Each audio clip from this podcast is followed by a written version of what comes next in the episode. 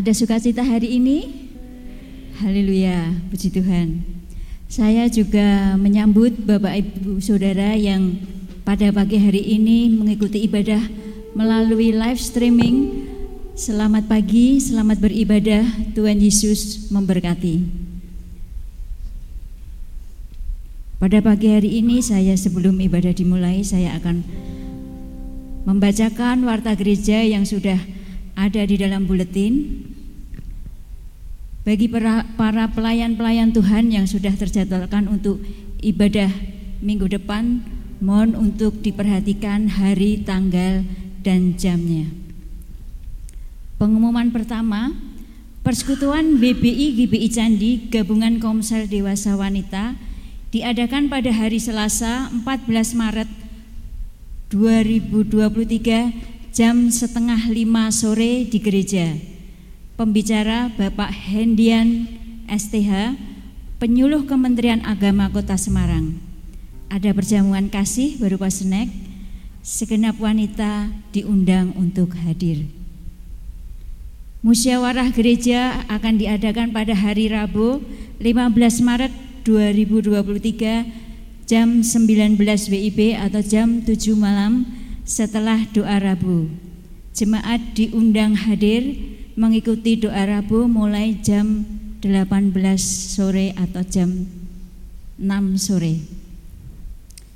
Kebaktian penghiburan mengenang 40 hari berpulangnya Ibu Sudarmi akan diadakan pada hari Kamis 16 Maret 2023 jam setengah tujuh malam di rumah Ibu Lestari, Ngesrep Timur 5 RT 1 RW 1 yang berada di belakang Yami Panda. Jemaat diundang untuk hadir. Aksi sosial Natal, aksi sosial Paskah dalam rangka perayaan Paskah tahun 2023 WBI GBI Candi akan mengadakan anjang sana dan pelayanan di LP Perempuan kelas 2A Semarang pada hari Senin 10 April 2023 jam 10 pagi sehubungan dengan hal tersebut kami mohon dukungan partisipasi jemaat untuk bingkisan yang kita bawa berupa peralatan mandi, sabun mandi Lifebuoy, deterjen Rinso 240 gram, pasta gigi Pepsodent 120 gram, sikat gigi dan softtek lawyer, juga biskuit lemonade. Mohon untuk dimasukkan ke dalam kotak sosial yang sudah disediakan di depan mimbar. Kesempatan ini akan ditutup nanti pada tanggal 31 Maret 2023. Kebaktian penghiburan mengenang satu tahun berpulangnya almarhum saudara Lukas, putra dari Ibu Sutimin, akan diadakan pada hari Senin 13 Maret 2023 jam 7 malam di rumah Ibu Sutimin Tegasari. Jemaat diundang untuk hadir. Pada pagi hari ini dari panitia PI akan memberikan pengumuman. Dipersilahkan Mas Kuku.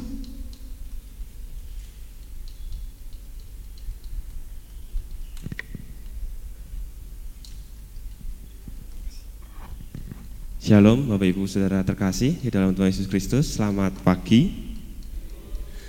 Saya uh, selaku perwakilan PI ingin mengonfirmasikan bahwa Eh, kegiatan KPW eh, kita akan kembali kita laksanakan kembali di tahun ini di tahun 2023 tetapi pelaksananya tidak setiap bulan akan kita uh, giatkan kembali untuk setiap Jumat kelima jadi kalau di tahun ini ada tiga bulan yang Jumatnya ada lima maka akan kita laksanakan untuk kegiatan KPW nah yang kedua jemaat yang belum uh, pernah bergabung di KPW bisa menggabungkan diri uh, lewat eh, daftar-daftar uh, yang sudah dibagikan di depan tadi ya. Jadi Bapak Ibu jemaat yang belum pernah bergabung bisa melihat uh, mana daerah yang dekat dengan rumahnya atau uh, ketua atau pembina KPW bisa mengajak jemaat yang belum pernah bergabung. Lalu yang ketiga, uh, saya ingin mengingatkan kembali bahwa nanti ada pertemuan setelah kebaktian satu untuk ketua KPW, pembina KPW dan moderator uh, untuk bisa berkumpul sebentar untuk kita membahas tentang uh, panduan untuk uh, materi KPW. Demikian pengumuman dari uh, PI. Terima kasih. Selamat pagi. Tuhan Yesus memberkati.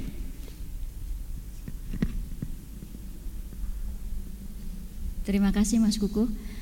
Di tengah-tengah kita hadir seorang tamu dari Jepang. Mohon untuk Pak Yumen memperkenalkan tamunya.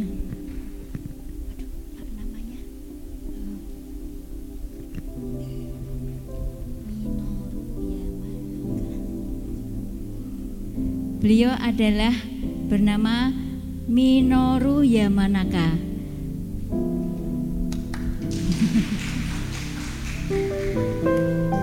umur 13 umur 38 tahun beralamat di Jalan Bina Taruna nomor 29 Salatiga. Selamat berbakti, Tuhan Yesus memberkati. Gereja Baptis Sandi juga mengucapkan selamat ulang tahun pada tanggal 10 Maret, Saudara Samuel Marcel Nugroho.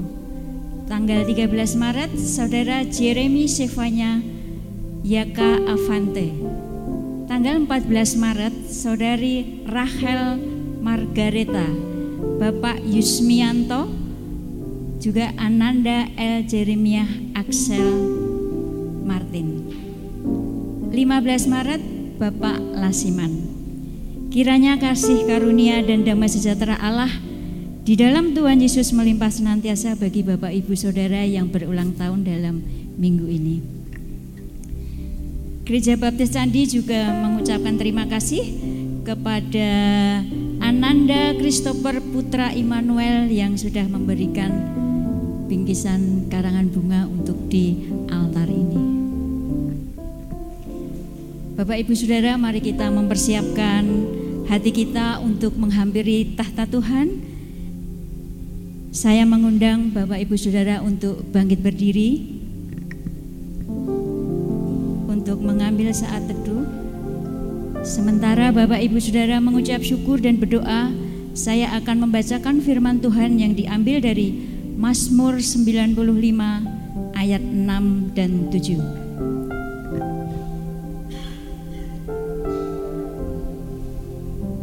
Begini firman Tuhan. Masuklah, marilah kita sujud menyembah, berlutut di hadapan Tuhan yang menjadikan kita. Sebab dialah Allah kita, dan kitalah umat gembalaannya, dan kawanan domba tuntunan tangannya. Pada hari ini, sekiranya kamu mendengar suaranya. Amin. Mari Bapak Ibu Saudara kita akan menaikkan pujian. Kami membawa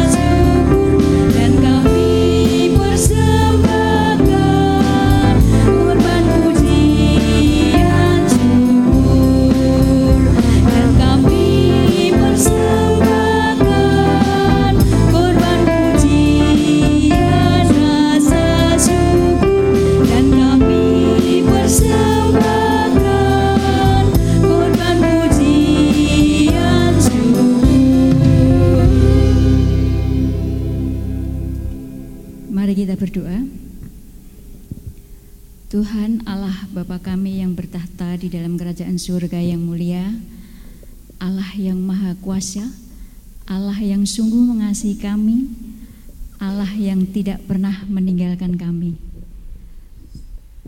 Kami sungguh bersyukur Bapa oleh karena kasih dan karunia yang Engkau berikan kepada kami semuanya hingga pada pagi hari ini kami semua ada di tempat ini.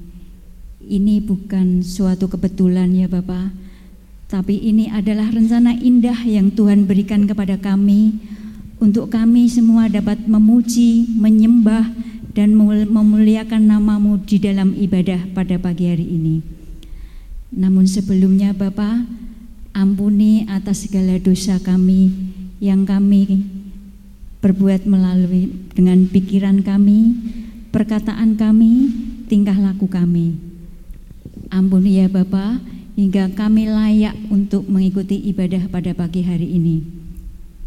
Bapa di surga, kami juga berdoa untuk pelayan-pelayan Tuhan yang pada pagi hari ini mengambil bagian di dalam ibadah ini Bapa. Urapi mereka dengan roh kudusmu Bapa dan ajarkan kepada mereka semua untuk melayani dengan ketulusan dan keikhlasan hatinya. Sehingga pelayanan ini berkenan di hadiratmu. Bapa di surga kami juga berdoa untuk hambamu Bapak Pendeta Eko Kurniadi STH yang akan menyampaikan firman Tuhan. Urapi hambamu dengan roh kudusmu Bapa dan pakai terus hambamu sebagai saluran berkat bagi kami yang mendengarkan firmanmu.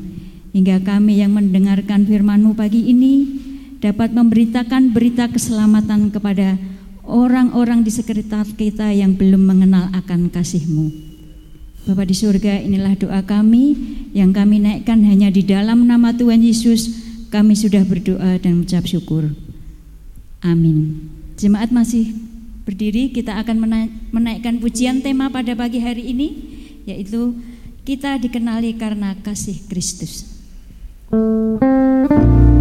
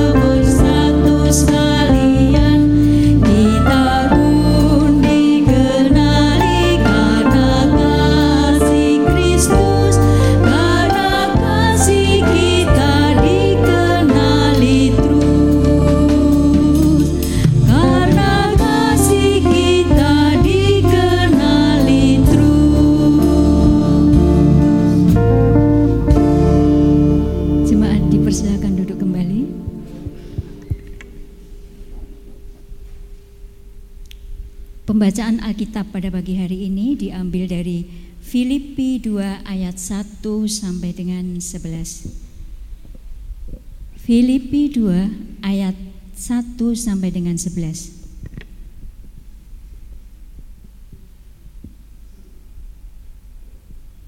Saya dan Singer akan membantu untuk membacakannya untuk Bapak Ibu dan Saudara sekalian. Filipi 2 ayat 1 sampai dengan 11. Nasihat supaya bersatu dan merendahkan diri seperti Kristus.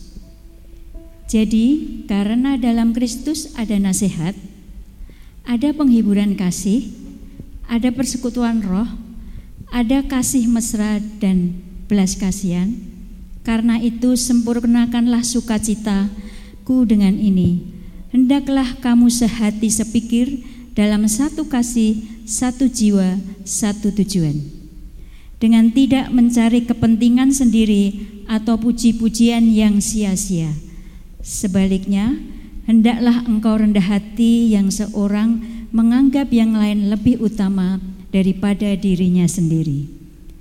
Dan janganlah tiap-tiap orang hanya memperhatikan kepentingannya sendiri, tetapi kepentingan orang lain juga. Hendaklah kamu dalam hidupmu bersama menaruh pikiran dan perasaan yang terdapat juga dalam Kristus Yesus, yang yang walaupun dalam rupa Allah tidak menganggap kesetaraan dengan Allah itu sebagai pemil, sebagai milik yang harus dipertahankan, melainkan telah mengosongkan dirinya sendiri dan mengambil rupa seorang hamba dan menjadi sama dengan manusia. Dan dalam keadaan sebagai manusia, ia telah merendahkan dirinya dan taat sampai mati, bahkan sampai mati di kayu salib. Itulah sebabnya Allah sangat meninggikan dia dan mengaruniakan kepadanya nama di atas segala nama, supaya dalam nama Yesus bertekuk lutut segala yang ada di langit dan yang ada di atas bumi dan yang ada di bawah bumi. Dan segala lidah mengaku, Yesus Kristus adalah Tuhan, bagi kemuliaan Allah Bapa. Amin. Berbahagialah Bapak Ibu Saudara yang sudah membacakan firman Tuhan dan melaksanakannya. Tiba saatnya kita akan memberikan persembahan perpuluhan dan persembahan khusus untuk peduli kasih. Namun sebelumnya mari kita naikkan pujian, jadikan aku pancaran berkat dari nyanyian pujian nomor 193. kasih Bu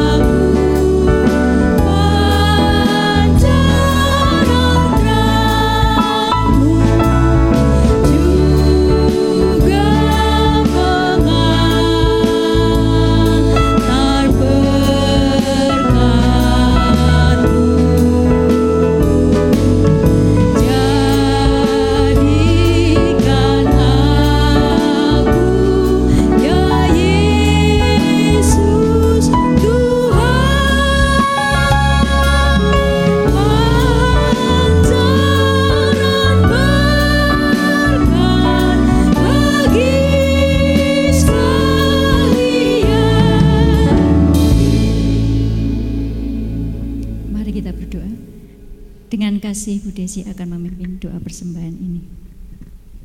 Mari kita berdoa. Tuhan Yesus terima kasih atas kasih setiamu yang Tuhan berikan pada kami. Tuhan terima kasih untuk kesehatan yang sudah Tuhan berikan sepekan ini. Dan saat ini Bapak, kami bisa berkumpul di tempat ini karena kasih yang-Mu yang luar biasa. Saat ini kami akan memberikan persembahan dan perpuluhan kami. Biarlah persembahan ini menjadi berkat yang harum dan menjadi berkat menjadi pelayanan buat kami semua. Tuhan, terima kasih atas kasih dan kuasamu. Haleluya. Amin. Amin.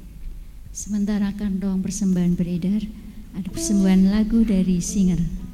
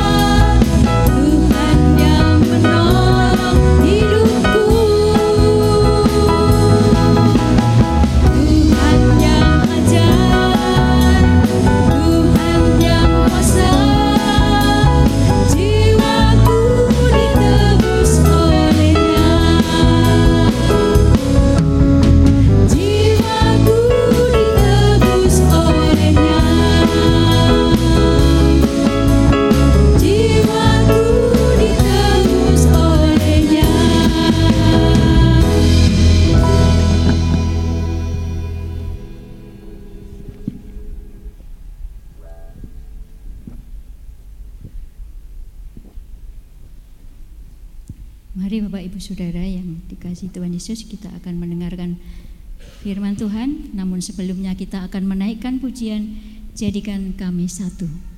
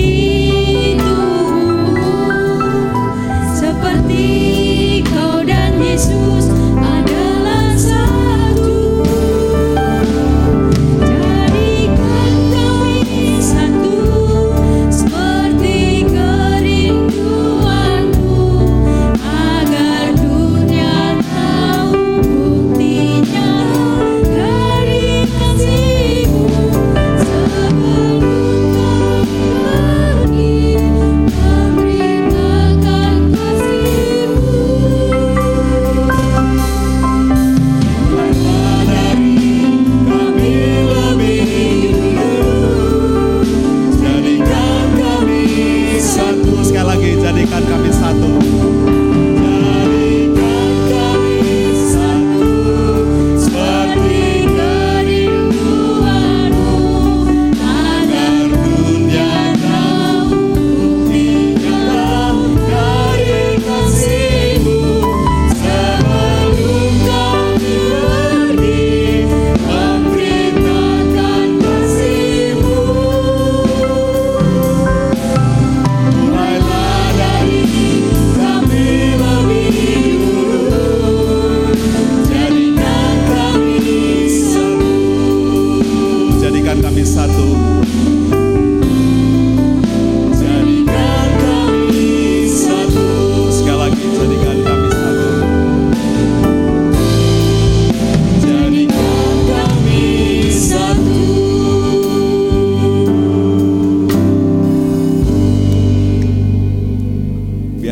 Seperti firman-Mu dan kehendak-Mu Tuhan kami disatukan dalam roh-Mu, kami bisa saling mengasihi, kami bisa saling bekerja sama demi dan hanya untuk kemuliaan nama Tuhan. Terima kasih Bapa dan biarlah firman-Mu melengkapi kami, firman-Mu menjadi pedoman penuntun hidup kami dalam persekutuan kami, dalam kehidupan kami pribadi, lepas pribadi, supaya setiap firman-Mu menjadi pelita bagi kaki kami dan terang bagi jalan kami. Kami mohon urapan roh kudus atas kami, di dalam nama Tuhan Yesus Kristus kami berdoa.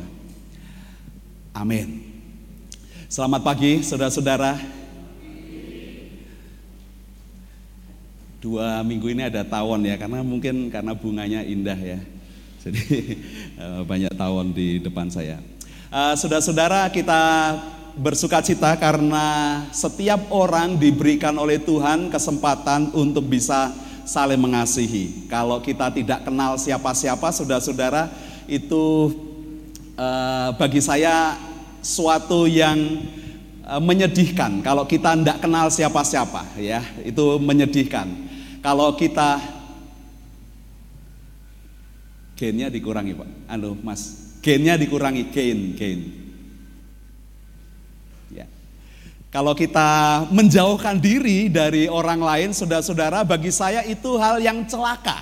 Karena tentu setiap orang akan memerlukan orang lain dalam kehidupannya. Jadi dua hal ini saudara-saudara menjadi indikator bagi kita. Apakah kita setiap orang percaya ini mau mengikat diri seorang terhadap yang lain. Jadi pagi ini saya ingin berkhotbah tentang uh, judul penyebab mengapa kita gagal untuk bersatu.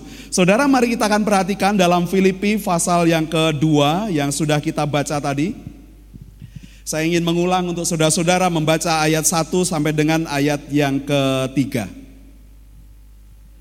Jadi karena dalam Kristus ada nasihat, ada penghiburan kasih, ada persekutuan roh, ada kasih mesra dan belas kasihan, karena itu sempurnakanlah sukacitaku dengan ini hendaklah kamu sehati sepikir dalam kasih, satu kasih, satu jiwa, satu tujuan dengan tidak mencari kepentingan sendiri atau puji-pujian yang sia-sia. Sebaliknya hendaklah dengan rendah hati yang seorang menganggap yang lain lebih utama daripada dirinya sendiri. Saudara kita punya pepatah yang terkenal di bangsa kita, bersatu kita teguh, bercerai kita runtuh. Ya kita sudah hafal ayat itu. Tapi eh, bukan ayat itu itu tema itu ya peribahasa itu.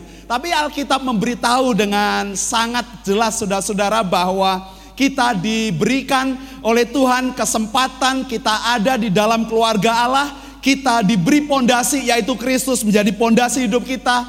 Jadi pertanyaannya baik kita mengapa kita gagal menjadi satu Mengapa kita gagal menjadi satu? Saudara, kalau Anda perhatikan struktur di dalam teks uh, Filipi ini, ini ada banyak hal yang menarik, saudara-saudara. Kalau Anda perhatikan, saudara, saya memberi gambarnya itu. Yang pertama, itu terkait dengan kasih dari ayat 1 sampai sebagian ayat yang kedua. Tentang disebutkan persekutuan roh, yaitu ada kasih, ada kasih mesra, ada persekutuan roh, ada belas kasihan. Itu adalah kasih, saudara-saudara. Lalu ayat yang kedua dan ayat yang ketiga disebutkan tentang kerendahan hati, saudara-saudara. Jadi itu lawan kerendahan hati adalah kesombongan. Kemudian ayat yang keempat dan selanjutnya disebutkan jangan kita menaruh kepentingan bagi diri kita sendiri atau mencari puji-pujian bagi diri kita sendiri dan itu dimaksudkan oleh Tuhan itu lawannya adalah supaya kita mengutamakan orang lain dalam kehidupan kita. Dan uh, struktur ini menarik saudara-saudara supaya kita bisa merenungkan bagian pertama ini adalah mengapa kita gagal untuk bersatu. Yang pertama penyebab kegagalan kita bersatu adalah karena tidak ada kasih, saudara-saudara.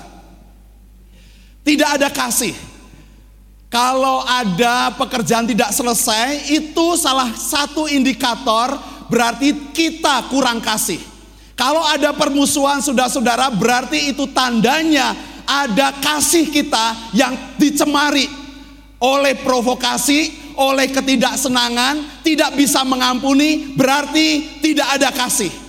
Kalau tidak ada kasih saudara-saudara, kita tidak bisa mengerjakan tujuan kita dan tidak bisa mencapai tujuan seperti yang Tuhan kehendaki. Saudara, kalau tidak ada kasih, itu tanda bahwa di dalam persekutuan kita, di dalam kehidupan kita, setiap kita berarti ada kasih yang sudah tercemar, saudara-saudara. Kenapa saya tidak mau ikut ambil bagian? Karena saya tidak mengasihi. Kenapa saya tidak ikut ambil bagian? Karena saya tidak dikasihi. Saudara-saudara, ini adalah tanda-tanda, adalah kasih yang rusak karena di dalam persekutuan orang percaya yang notabene katanya didasarkan oleh kasih, sementara kita tidak bisa mengasihi. Saudara termasuk di dalam konflik, di dalam pertengkaran, perselisihan, perbedaan, diperlukan kasih. Bahkan di tempat-tempat itu Paulus menasihatkan, di tempat-tempat yang berdosa, kasih karunia Tuhan melimpah.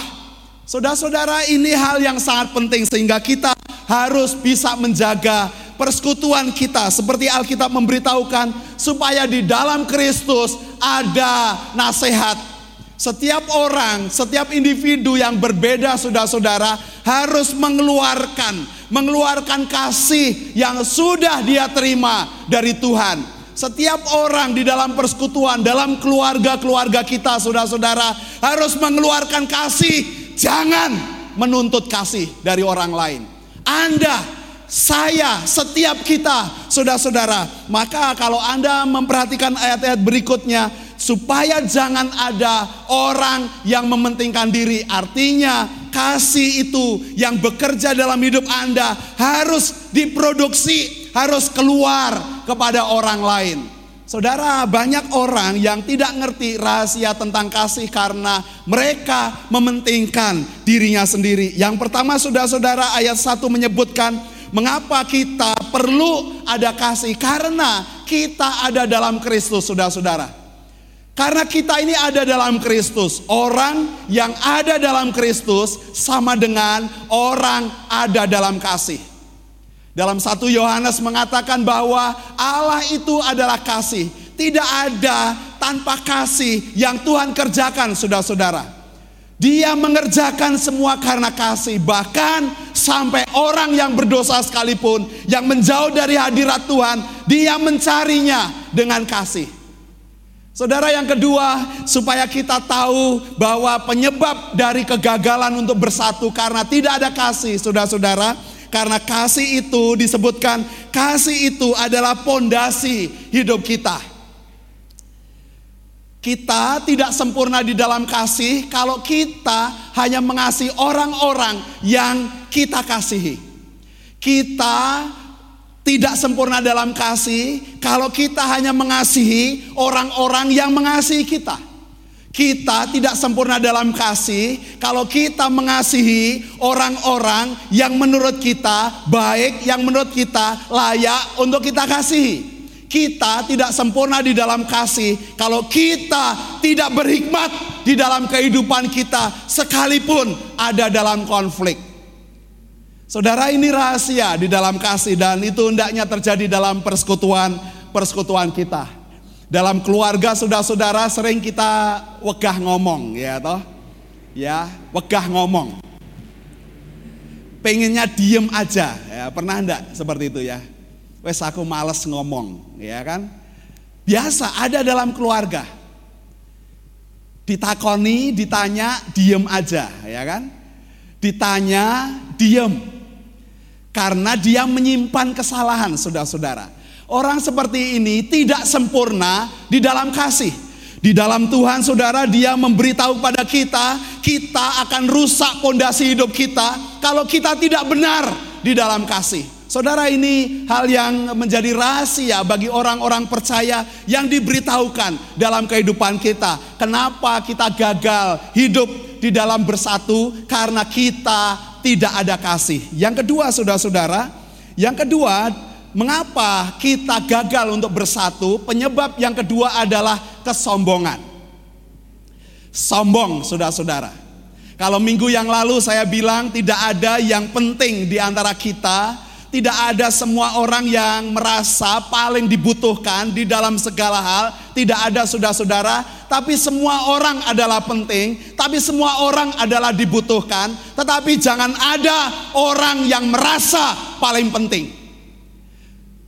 Karena ini adalah bumbu atau pemicu atau juga menjadi pupuk bagi kesombongan. Sehingga kita gagal untuk bersatu. Saudara perhatikan ayat yang selanjutnya, ayat yang ketiga dikatakan uh, dan dengan tidak mencari kepentingan sendiri atau puji-pujian yang sia-sia. Nah, itu tandanya ada kesombongan. Lalu biarlah setiap orang menganggap yang lain lebih utama. Berarti saya merendahkan diri terhadap orang lain, saudara-saudara. Bahkan dengan jelas disebutkan di situ supaya kita rendah hati.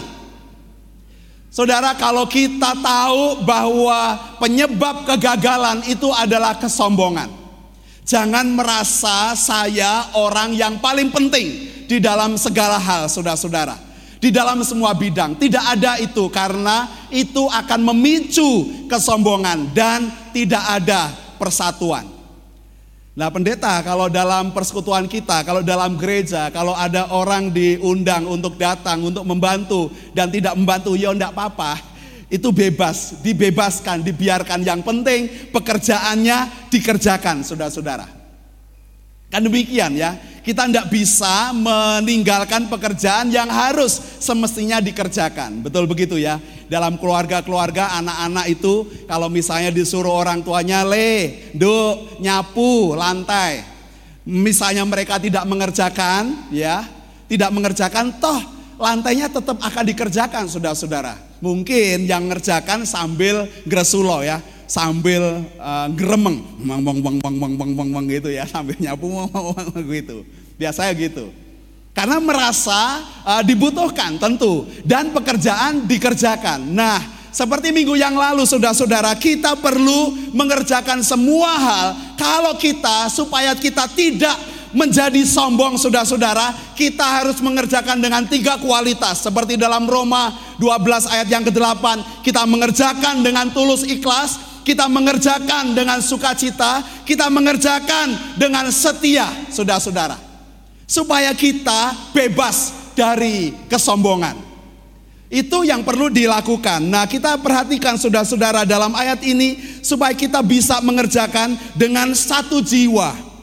Ya, kalau ada satu kasih, satu jiwa, satu tujuan dalam ayat yang kedua itu merupakan uh, kesimpulan dari teks ini saudara-saudara. Dan saudara bisa melihat di situ ada satu jiwa.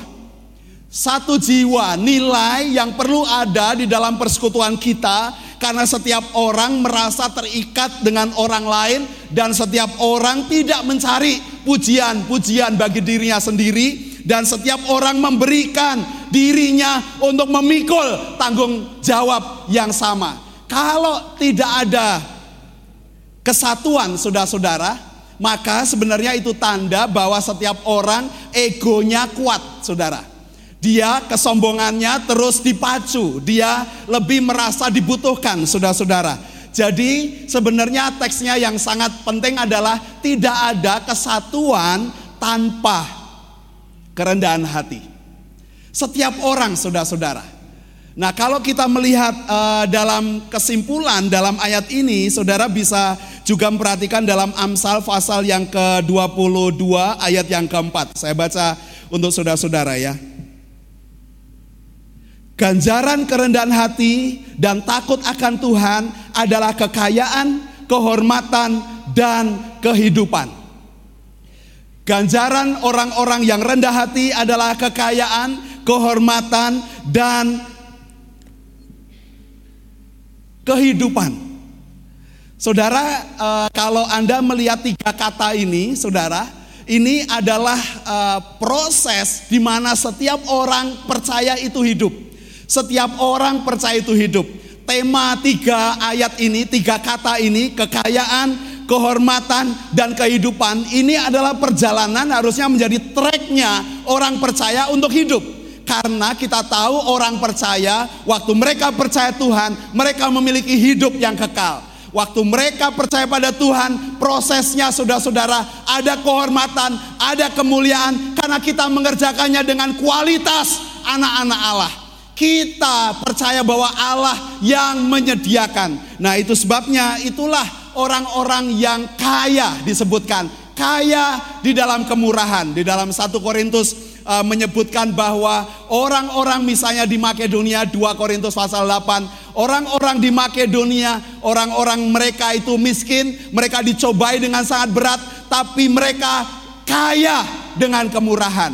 Allah adalah provider. Dia penyedia saudara-saudara. Orang-orang yang rendah hatinya yang tidak sombong mesti lari kepada Tuhan, mencari kekuatan, mencari penghiburan, ditopang oleh Tuhan. Dalam prosesnya mereka mengalami proses seperti yang Tuhan kehendaki dan endingnya kehidupan kekal. Saudara itu orang-orang yang mengandalkan Tuhan di dalam hidupnya. Yang ketiga saudara-saudara penyebab uh, ketidakbersatuan, gagal untuk bersatu adalah mementingkan diri sendiri. Mari kita akan perhatikan dalam ayat yang keempat, sudah tiga dan ayat yang keempat. Filipi 2 ayat 3 dan ayat yang keempat. Dengan tidak mencari kepentingan sendiri atau puji-pujian yang sia-sia, sebaliknya hendaklah dengan rendah hati yang seorang menganggap yang lain lebih utama daripada dirinya sendiri dan janganlah tiap-tiap orang hanya memperhatikan kepentingannya sendiri, tetapi kepentingan orang lain juga. Saudara, kegagalan untuk bersatu adalah konflik of interest. Kegagalan untuk bersatu adalah karena orang mencari, mengutamakan kepentingan dirinya sendiri. Mungkin kepentingannya itu bukan bersifat materi, saudara-saudara. Kepentingannya bisa bersifat puji-pujian. Alkitab mengingatkan itu. Tuhan juga mengingatkan pada kita bahwa kepentingan yang kita perjuangkan kadang bukan bersifat materi, tetapi misalnya kesombongan, ego, ya. Kesombongan. Saya itu kalau disebutkan namanya, saudara dulu saya pelayanan di Cerewek waktu saya masih mahasiswa liburan. Itu saya liburan di Cerewek dua bulan, nama saya itu diganti empat kali, saudara. Jadi yang pertama Eko udah bener, kemudian diganti Edi, kemudian lalu minggunya diganti Bambang, lalu Petrus, jadi diganti empat kali. Ya saya biar aja, diem aja ya, ndak usah uh, ya oh perlu diralat nggak perlu, orang kan nanti tahu ya. Tapi anehnya mesti namanya salah ya. Karena bagi saya ndak masalah menyebutin nama saya salah. Tapi ada orang juga yang tersinggung sudah-sudah kalau menyebutkan namanya salah. Ya ada yang demikian, tapi kalau saya tidak apa-apa disebutin mau Bambang, mau Eko, mau uh, Edi, mau Petrus tidak apa-apa. Yang penting orangnya sama, ya kan? Yang penting tidak berubah dan itu menyenangkan dan itu me, menjadi ingatan bagi saya. Bagi saya tidak ada harusnya yang kita belain, mana yang harus kita utamakan. Setiap orang merasa ada bagian dalam diri, dalam persekutuan, dalam keluarga kita, saudara-saudara. Dan itu kepentingan yang harus kita kerjakan. Kita harus mengutamakan uh, orang lain, kepentingan orang lain diutamakan, saudara-saudara. Alkitab memberitahukan pada kita supaya kita jangan terjebak gagal untuk bersatu gara-gara kita mementingkan diri sendiri. Konflik of interest, saudara-saudara. Jadi kita perlu tahu bahwa kalau kita tidak mau gagal, maka kita memperjuangkan kepentingan bersama. Kita memperjuangkan kepentingan bersama. Kita ada dalam tujuan yang sama. Saudara Alkitab memberitahukan dalam ayat pertama juga bagian yang akhir itu ada satu tujuan dalam ayat yang kedua ya. Satu tujuan. Kita tidak akan pernah dapat memperhatikan mengutamakan orang lain kalau kita beda jalan dengan firman. Kalau kita tidak menuruti firman. Nah kalau firman Tuhan berkata, iya Pak Pendeta, yo firman Tuhan yo ngomong begitu, ya itu yang benar. Tapi kan kita ini manusia. Nah itu berarti kita mau beda jalan dengan firman. Ya benar Pak, kita harus sabar seperti firman Tuhan. Ngomong harus sabar, tapi kita ini kan manusia punya hati, sabar ya ono batese. Berarti kita sudah memilih beda jalan dengan firman. Maka kita tidak akan pernah dapat bersatu, saudara-saudara. Kita tidak bisa menerima seorang terhadap yang lain. Saudara-saudara, kalau kita membandingkan kehidupan kita, maka kita harusnya tahu bagaimana kita harus menuruti firman. Saudara lihat ayat yang menjadi kesimpulan bagi khotbah saya. Uh, next slide deh. Ayat yang keempat sampai dengan ayat yang ketujuh, saudara ini ada ilustrasi. Ilustrasi tentang Kristus, saudara-saudara. Tapi bagi saya inilah intinya dalam teks ini. Kita disuruh melihat pada Yesus, Dia yang mengosongkan dirinya, tidak menganggap dirinya setara dengan Allah. Dia merendahkan diri, terendah saudara-saudara, mengambil rupa seorang hamba dan taat, setia, bahkan mati di kayu salib. Ini adalah teladan kita, saudara-saudara. Inilah yang menyatukan kita. Inilah uh, fokus, inilah titik di dalam uh, teks ini, inilah titik pusat di mana kita harus melihat kepada Kristus. Saudara tidaklah seberapa orang menghina saya dibandingkan dunia ini menghina Kristus. Tidaklah seberapa saya mendapat aniaya dalam dunia ini kalau saya bandingkan dengan apa yang diderita oleh Kristus tidaklah sebanding dengan apa yang saya alami dalam kekurangan, dalam kemiskinan, dalam penderitaan, dalam kesusahan dibandingkan penderitaan Kristus. Tidaklah seberapa. Jadi kalau saya ada dalam kondisi yang berat, saudara-saudara, saya harus berkaca kepada Kristus.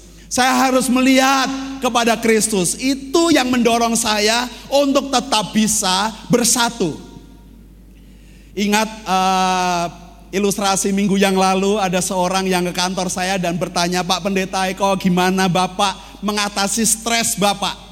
Mana yang paling berat dalam ngurusi jemaat? Begitu ya. Saya bilang wah udah lewat itu, saya udah ngalami itu.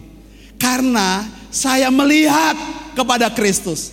Tidak ada yang terlalu berat yang kita kerjakan, yang kita alami kalau kita membandingkan dengan kemuliaan Tuhan Yesus, saudara-saudara. Dan ayat ini menjadi ilustrasi sentral dalam ajaran ini supaya kita tetap bersatu, saudara. Supaya kita tetap bersatu. Anda gampang musuhi saya karena tidak ada hubungan darah. Tetapi tidak mudah juga orang dalam mengasihi yang berhubungan darah, saudara-saudara, ada dalam pertalian darah dan sakitnya itu sangat berat karena mereka ada dalam keadaan yang sama, tidak ada kasih. Saudara lihat bercermin kepada Kristus. Jadi kalau dalam persekutuan-persekutuan kita, saudara gereja kita, dalam keluarga kita, apa pun itu mari kita pandang kepada Kristus. Yang dimaksudkan kalau demikian saudara, nah saya melihat ada hasilnya dalam ayat 10, ayat yang ke-11 menyebutkan supaya segala sesuatu itu diletakkan di atas kaki Tuhan, semua lidah mengaku bahwa Yesus adalah Tuhan. Saudara itu yang dimaksudkan, ada misi yang bekerja.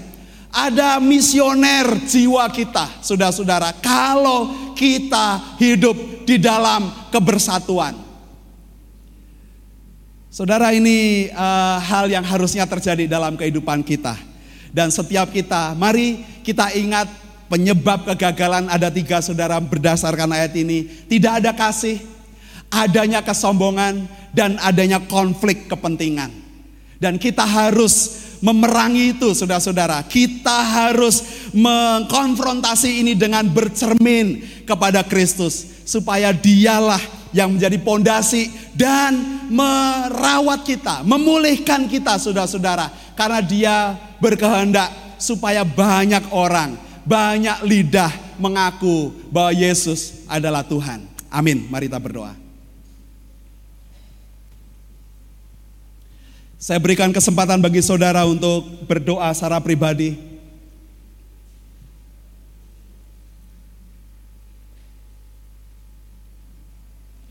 Mungkin di antara saudara ada yang mau mengambil komitmen saudara-saudara. Anda mau bersatu dengan Tuhan. Anda tahu ada kepentingan, Anda ngerti bahwa ada kesombongan ada yang kita andalkan saudara-saudara. Pendeta Noguchi, Bu Wendy bisa, uh, Diakon Eko juga bisa menolong untuk mendoakan saudara-saudara kita. Mari serahkan hidup Anda. Mari percaya pada Tuhan, Dia menjadi pondasi bagi hidup Anda.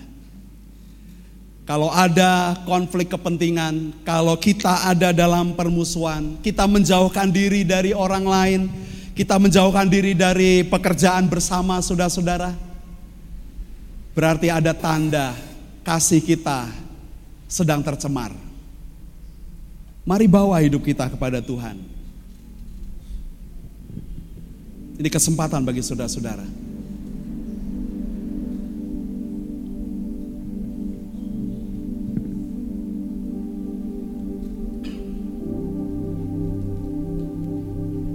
Setiap saudara bisa berdoa secara pribadi, Tuhan, lembutkan hatiku. Supaya kasih Kristus itu yang menguasai hatiku. Pengampunan Tuhan yang aku nikmati itu mengalir bagi orang-orang lain. Saudara ini kesempatan bagi Anda. Kalau saudara menyimpan dendam, menyimpan kesalahan orang lain, menyimpan permusuhan, ada kepahitan dalam hati saudara-saudara. Jangan dibiarkan saudara-saudara, serahkan kepada Tuhan. Akui di hadapan Tuhan. Supaya dia yang memulihkan kita.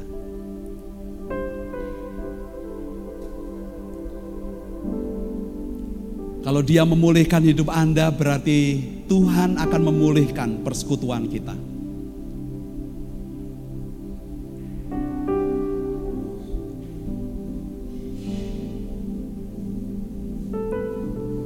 Mengapa seorang susah mengampuni saudara? Karena mereka kurang kasih. Tidak membiarkan kasih Kristus bekerja, mengasihi hidupnya. Saudara ini kesempatan bagi setiap kita lebih mengasihi Tuhan. Mari kita akan berdiri bersama-sama, kita akan berdoa syafaat dan menutup dengan doa berkat. Tuhan kami di hadapanmu, hidup kami terbuka, hati kami telanjang di hadapan Tuhan. Engkau menilik hati, pikiran, dan kehidupan kami. Kami mungkin bisa menyembunyikan dari pandangan orang, kami bisa bersembunyi dari orang-orang lain, tapi kami tidak bisa tersembunyi dari hadirat Tuhan.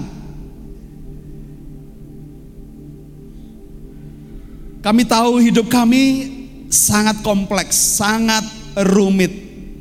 Tapi ajarlah kami bisa menyelesaikan semua dengan mudah saat kami memandang kepada Yesus.